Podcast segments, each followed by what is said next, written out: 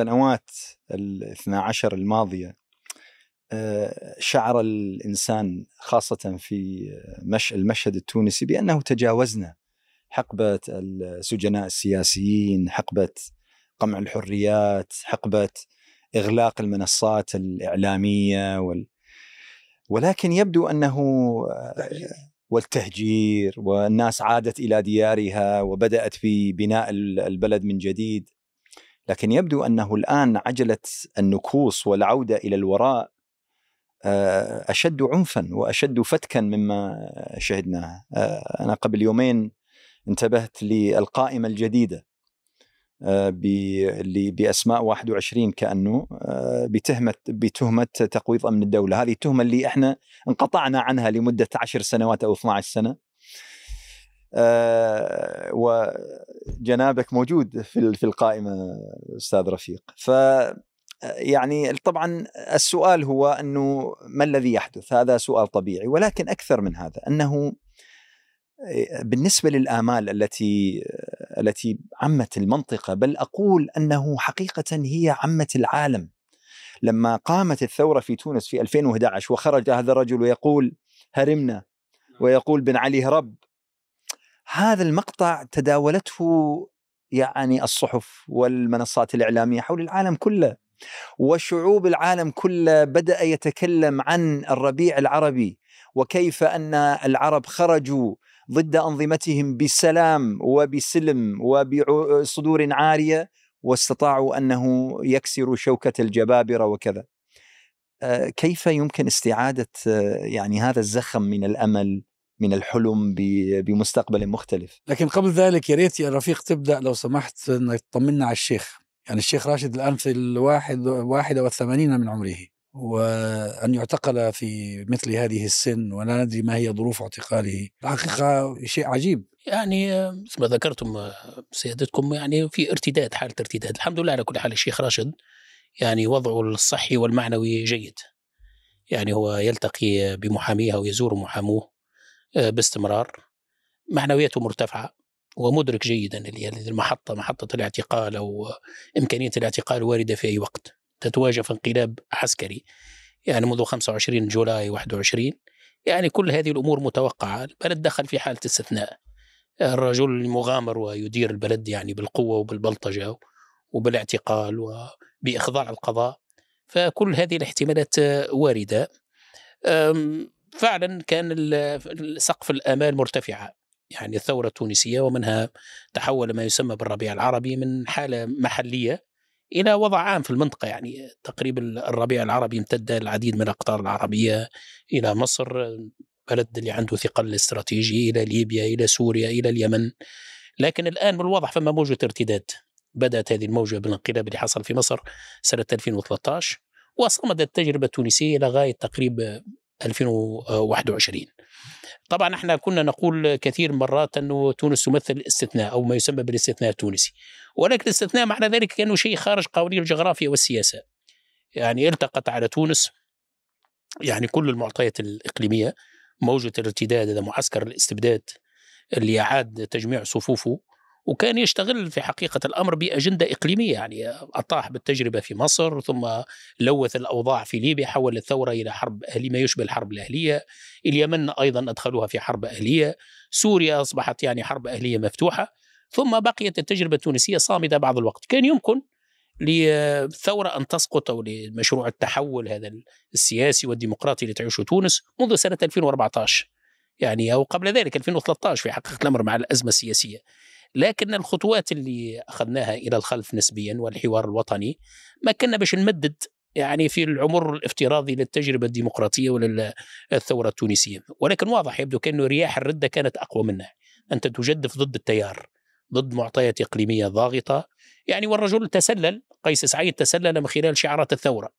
يعني الشعب يريد والتطبيع خيانة وكذا. فاغترت الطبقة السياسية تقريبا كل الأحزاب الثورية بس هي الحقيقة قيس سعيد. الحقيقة رفيق إرهاصات التآمر على الثورة في تونس وإرهاصات سقوط إسقاطها بدأت قبل الانتخابات اللي التي جاءت في قيس سعيد. يعني إحنا كنا بنشوف آه، يعني نوع من التسخيف للبرلمان التونسي.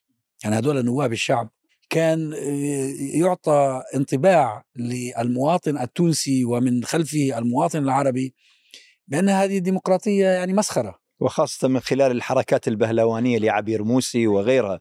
هو الحقيقة التقطت على تونس أو التقى عليه خطان رئيسيان خط ما نسميه بالشعبوية والفوضوية. شعبوية قيس سعيد التي تحالفت مع الفوضوية اللي كانت تقودها عبير موسي وكان فما أجندة لترذيل مؤسسات الدولة والمؤسسات الديمقراطية خاصة البرلمان.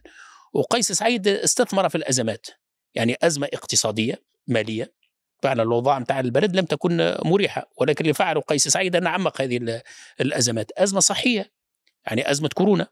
ثم استغل أيضا الأزمة مع الحكومة، الرجل كان يختار معنا رؤساء حكومة ويختار وزراء ثم يتنصل من الأمر ويريد الاطاحه بهم. فأصبح فيه تجاذب داخل مؤسسات الدولة. اللي حصل في تونس هو بالتعبير السياسي ربما في بعض دول أمريكا اللاتينية حصل شيء هذا يسمى self coup. يعني كاين انقلاب من داخل الدولة. شوفنا في مصر جهاز الجيش ينقلب بصورة مباشرة. يعني واضح انقلاب عسكري سافر. في بلدان أخرى تتم الانقلابات بأشكال يعني مغايرة، في تونس الانقلاب حصل من داخل مؤسسة الدولة، مؤسسة مؤسسة الدولة اللي هي الرئاسة جارت على بقية المؤسسات وعطلت البرلمان واستعملت فصل 80 بطريقة انتهازية طبعا وذرائعية فصل 80 من من الدستور. طبعا بطريقة متعسفة لا علاقة لها بالقانون الدستوري كل فقهاء القانون والخبراء يقولوا لا علاقة لما, لما جرى الإجراءات اللي قام بها قيس سعيد بالدستور التونسي. فاستغل يعني غطاء قانوني وغطاء دستوري لينقض على السلطة. والآن فما اتجاه إلى التحكم في البلد معناها بالبلطجة وبالقوة الأمنية وعاد تونس إلى المربع الأول. كيف كيف يمكن هو هنا برضو إحنا حتى نفهم الحالة هذه إنه شخص يفترض إنه شخص مدني وليس شخصا عسكريا يعني جاي منه كأستاذ جامعي ويأتي بانتخابات آه، بشكل عام كانت انتخابات نزيهة وحرة وجاء الشعب وانتخب بنسبة عالية من الأصوات. ثم يأتي آه، إلى يفترض إلى مؤسسة الحكم بدعم شعبي كبير جدا. يعني هو لم يكن بحاجة انه هو يذهب إلى مؤسسة أو آه، دعم خارجي آه، سواء كان إقليمي أو دولي ولم يكن بحاجة إنه يذهب إلى دعم أجهزة امن لأنه جاي منتخب 75% من الشعب. ثم ينقلب على الإرادة الشعبية التي جاءت به ليتحالف مع آه، جهات سواء كانت خارجية وإقليمية أو جهات في داخل الدولة.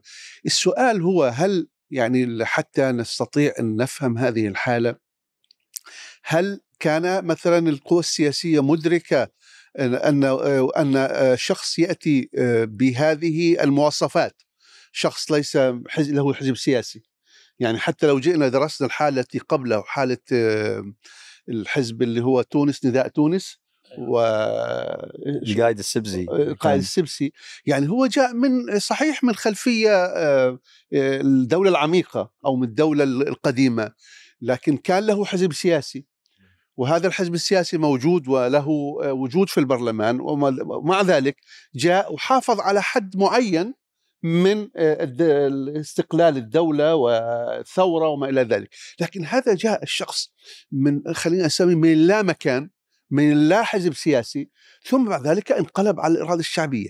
هل هذه الحالة يمكن كيف يمكن أن نفسر هذه الحالة؟ كيف يكون الاستفادة منها في المستقبل؟ هو هو شوف آه، في تصوري ويمكن رفيقي ينورنا في هذا الموضوع أنه هو أول شيء آه انطلى أمره على كثير من الناس.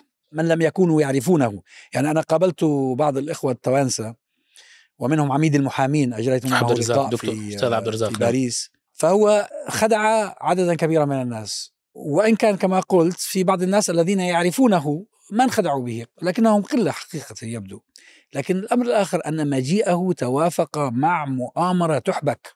هذا الرجل ما بيشتغل بنفسه يعني لا يضرب بسيفه هو يضرب بسيف مجموعة كبيرة إقليمية ودولية تريد أن تجهز على ما تبقى من الربيع العربي. بس هو لا هو لا شك الطريقة التي جاء بها. يعني أنا أنا من الناس أنا مستعد أن أرفع يدي وأقول أنا سعدت جدا كلنا كلنا. وفرحت حينما فاز بالانتخابات. واعتبرت بأنه هذه يعني نقلة ربما تخرج تونس من عنق الزجاجه اللي كانت وجدت نفسها من عام 2014 فهو فعلا السؤال هو طيب يعني كون أنه جاء من خارج المنظومة السياسية هل هذا يعني يدفعنا إلى أن نشجع مثل هكذا مرشح بالمستقبل؟ أم أنه يعني إحنا مثلا عندنا نموذج قريب آه اللي هو ترامب. ترامب أيضا جاء من خارج المنظومة السياسية. هو صح دخل في بوتقة حزب المحافظين الريببليكنز عفوا الجمهوري في أمريكا. ولكن يعني هو من خارج إطار البوتقة السياسية. ولذلك هو لما جاء أول ما حاول يدمر كل مؤسسات الدولة من ال FBI إلى ال CIA إلى الإعلام إلى الدنيا كليتها. السؤال هو أنه هل فعلا الأفضل لنا أنه يخرج من هو من ضمن العملية السياسية من ضمن الحاضنة السياسية بالمشاريع اللي هو حاملها وبالقضايا اللي هو. الحقيقة أمر في في حالة تونس أمر في غاية غاية الحيرة وبالأخص والنقطة اللي أنت ذكرتها أبو ناجي مهمة.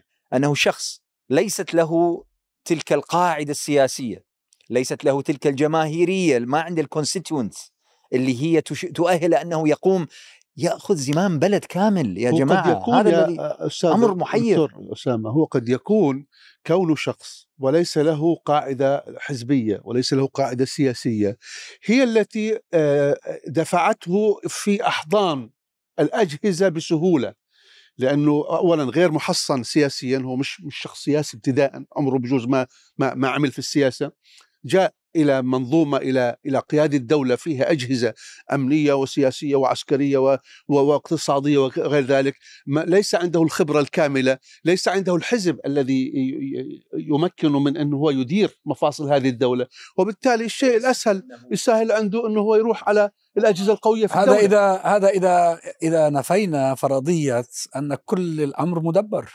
هو طبعا هي معضلة هذه يعني تأتي شخص من خارج المنتظم السياسي الرسمي. يعني ولا عنده لا من داخل بيروقراطية الدولة ولا من داخل الاجهزه بن علي مثلا جابته الأجهزة الأمنية. رجل اشتغل في المخابرات العسكرية واشتغل قليلا أيضا في الجانب الدبلوماسي راح سفير أو يعني ملحق أمني في بولونيا.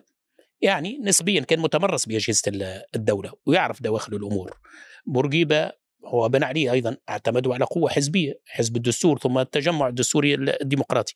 هذا الرجل ليس له خلفية حزبية بل بالعكس هو مش أكثر من أكثر من ذلك. كان هو مجرد ترس.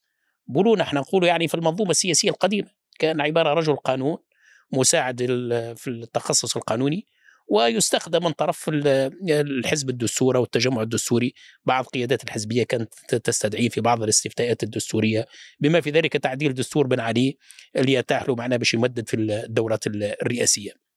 لكن تقديري هذا مش قوة ولا يعني شيء خارق العادة يتعلق بقيس سعيد، وقع تقاطع بين الرغبات والشهوات الذاتية لقيس سعيد، يريد أن يحكم عنده رغبة هوس بالحكم وبالسلطة. والأجهزة الدولة طبعا الأجهزة العميقة للدولة اللي هي كانت تضيق ذرعا بتجربة الثورة ووجود برلمان ومؤسسات تحكيمية وكذا. طبعا الدولة العميقة والأجهزة القوى العميقة للدولة القوى الخفية كانت ضائقة ذرعا بالثورة.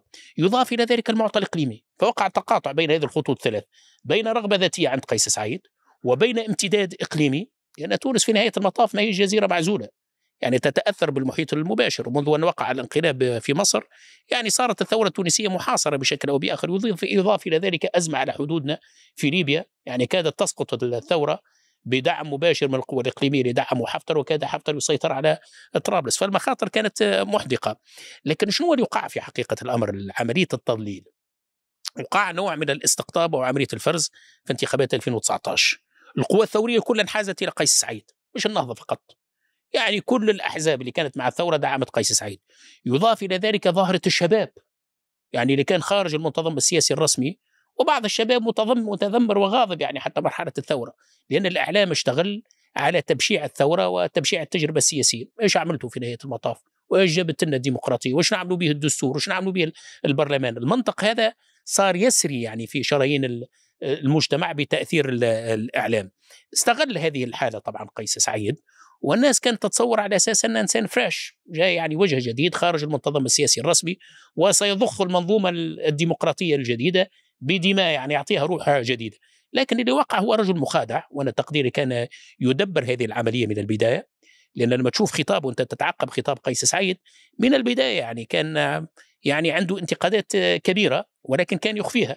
ركب المركب الثوري حتى يصل إلى قصر كرتاج ويصعد عبر السلم الديمقراطي ثم يكسر المفارقة العجيبة أن الرجل هذا اللي دستور الثورة سمح له باش يدخل إلى كرتاج وانه الثورة اللي اتاحت له باش يكون في موقع المنافسة السياسية ولا خارج المنظومة الديمقراطية ولا يكون لم يكن أي شيء قيس سعيد. أول خطوة قام بها كسر السلم الديمقراطي الذي صعد عبره. فالناس اللي كانت تتخوف وتقول لك الإسلاميين هذا يشوفوا الديمقراطية في اتجاه واحد تبين الأمر هذا ليس صحيح. يعني الإسلاميين على الأقل حافظوا التجربة الديمقراطية ورسخوها.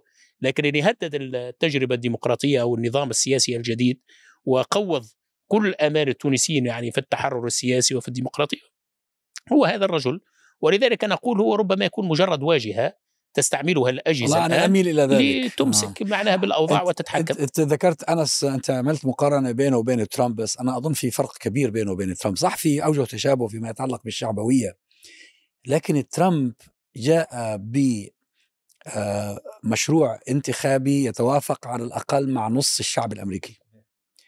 يعني في له كونستيتوينسي في له في عنده قاعدة صلبة في عنده طبعا ناس تنتخب بينما قيس سعيد الذي جاء به هو مجموعة من العوامل لا علاقة لها ببرنامج سياسي معين أو بشعبية معينة. ولم يكن له حاضن سياسي ملوش. كبير مثل ترامب. ترامب كان له حاضن. صحيح. يضاف إلى ذلك الجمهوري. ربما المعطى الآخر هو أنه ترامب يعني في نهاية المطاف أمام مؤسسات سياسية قوية يعني. يعني الظاهرة الشعبوية اللي ظهرت في أوروبا ولا في أمريكا هو ركب موجتها. هو هو كان منسجم معها يعني مع هذه كان منسجم وكانت حتى الأجهزة المؤسسات آه يعني صعبة. حد يعني بس حد. أنت في ديمقراطية وليدة وهشة يعني الشعبوية خلخلت الدولة وهذا هو الفرق. لذلك أنت ترى حتى أنت يعني ترامب في لحظة من اللحظات حاول أن يقوم بما قام به. صحيح. آه، سعيد إنه هو أراد أن ينقلب على الإرادة الشعبية.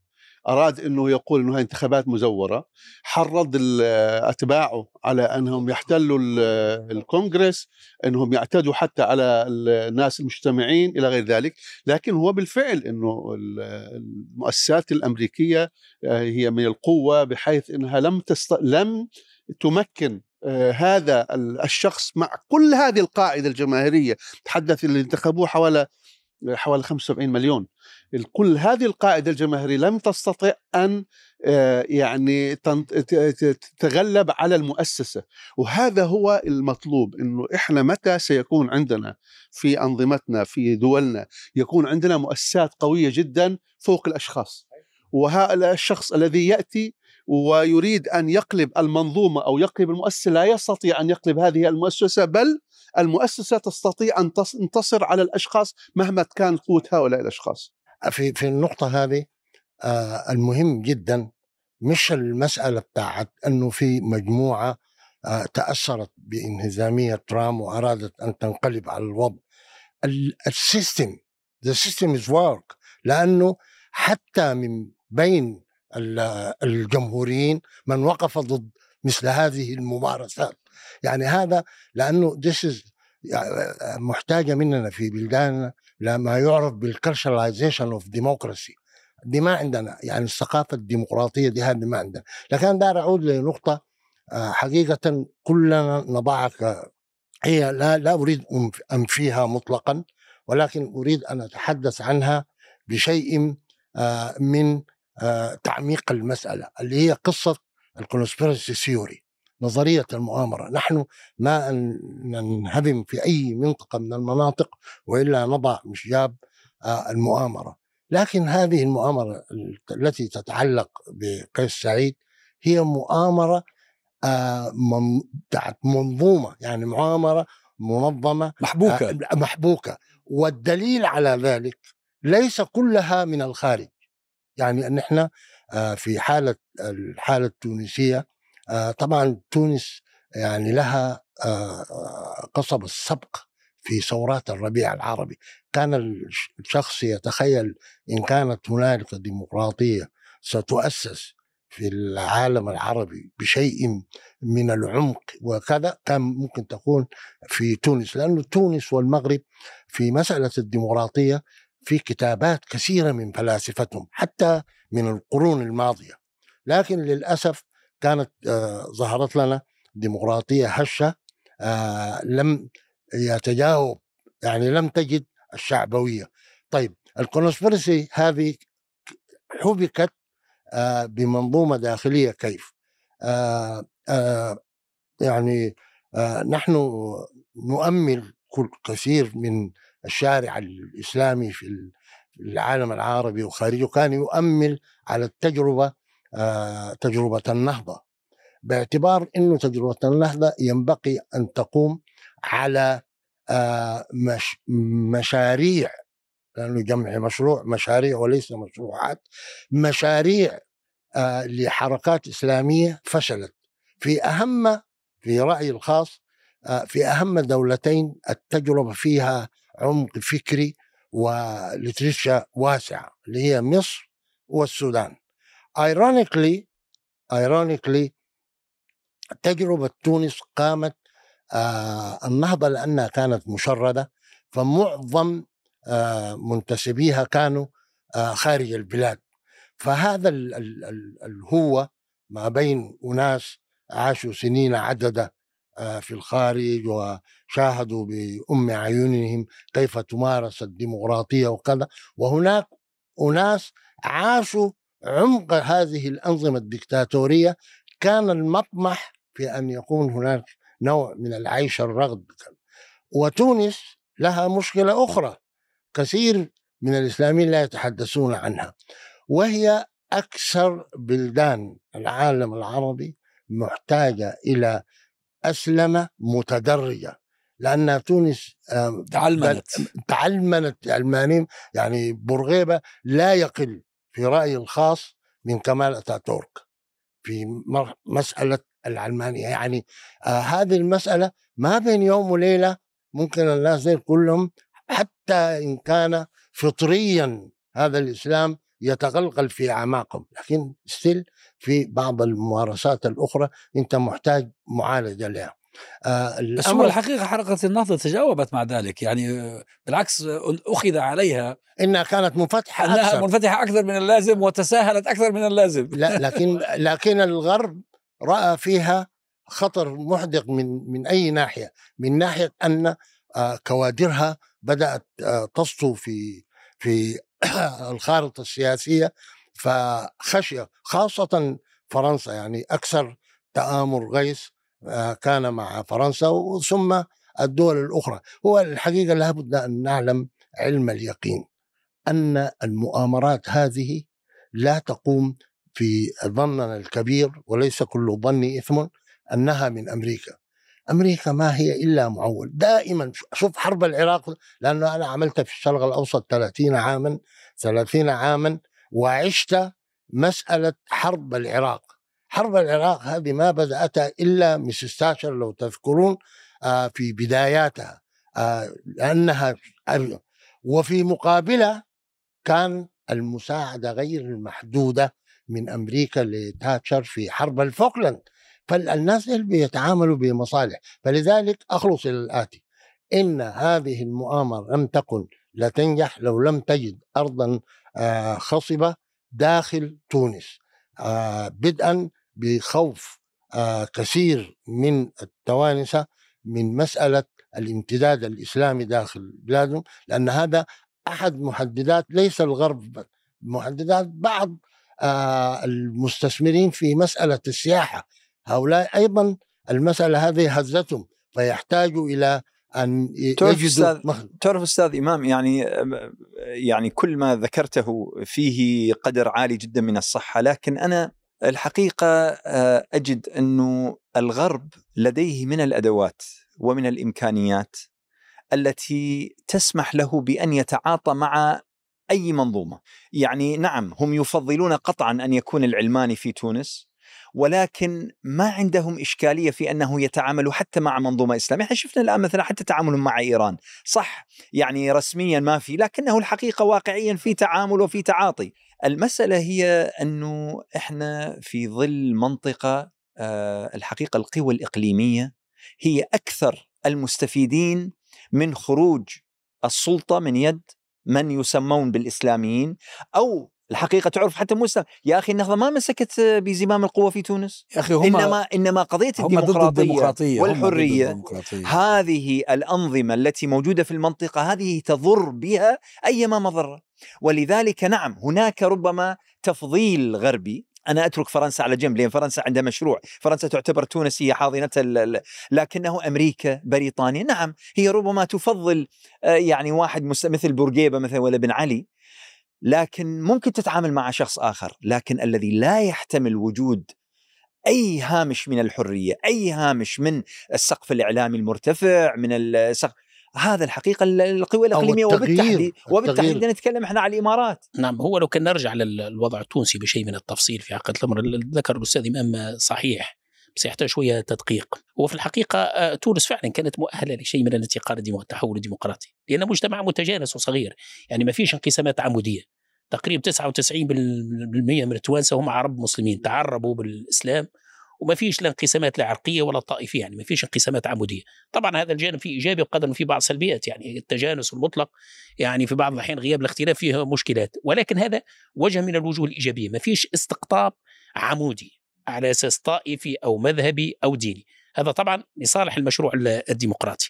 آه، أنا أذكر كان في عالم اجتماع توفى أخيرا عبد القادر الزغل الله يرحمه يقول البلد اللي كان مؤهل للانتقال الديمقراطي من الثمانينات من مرحلة بورقيبة.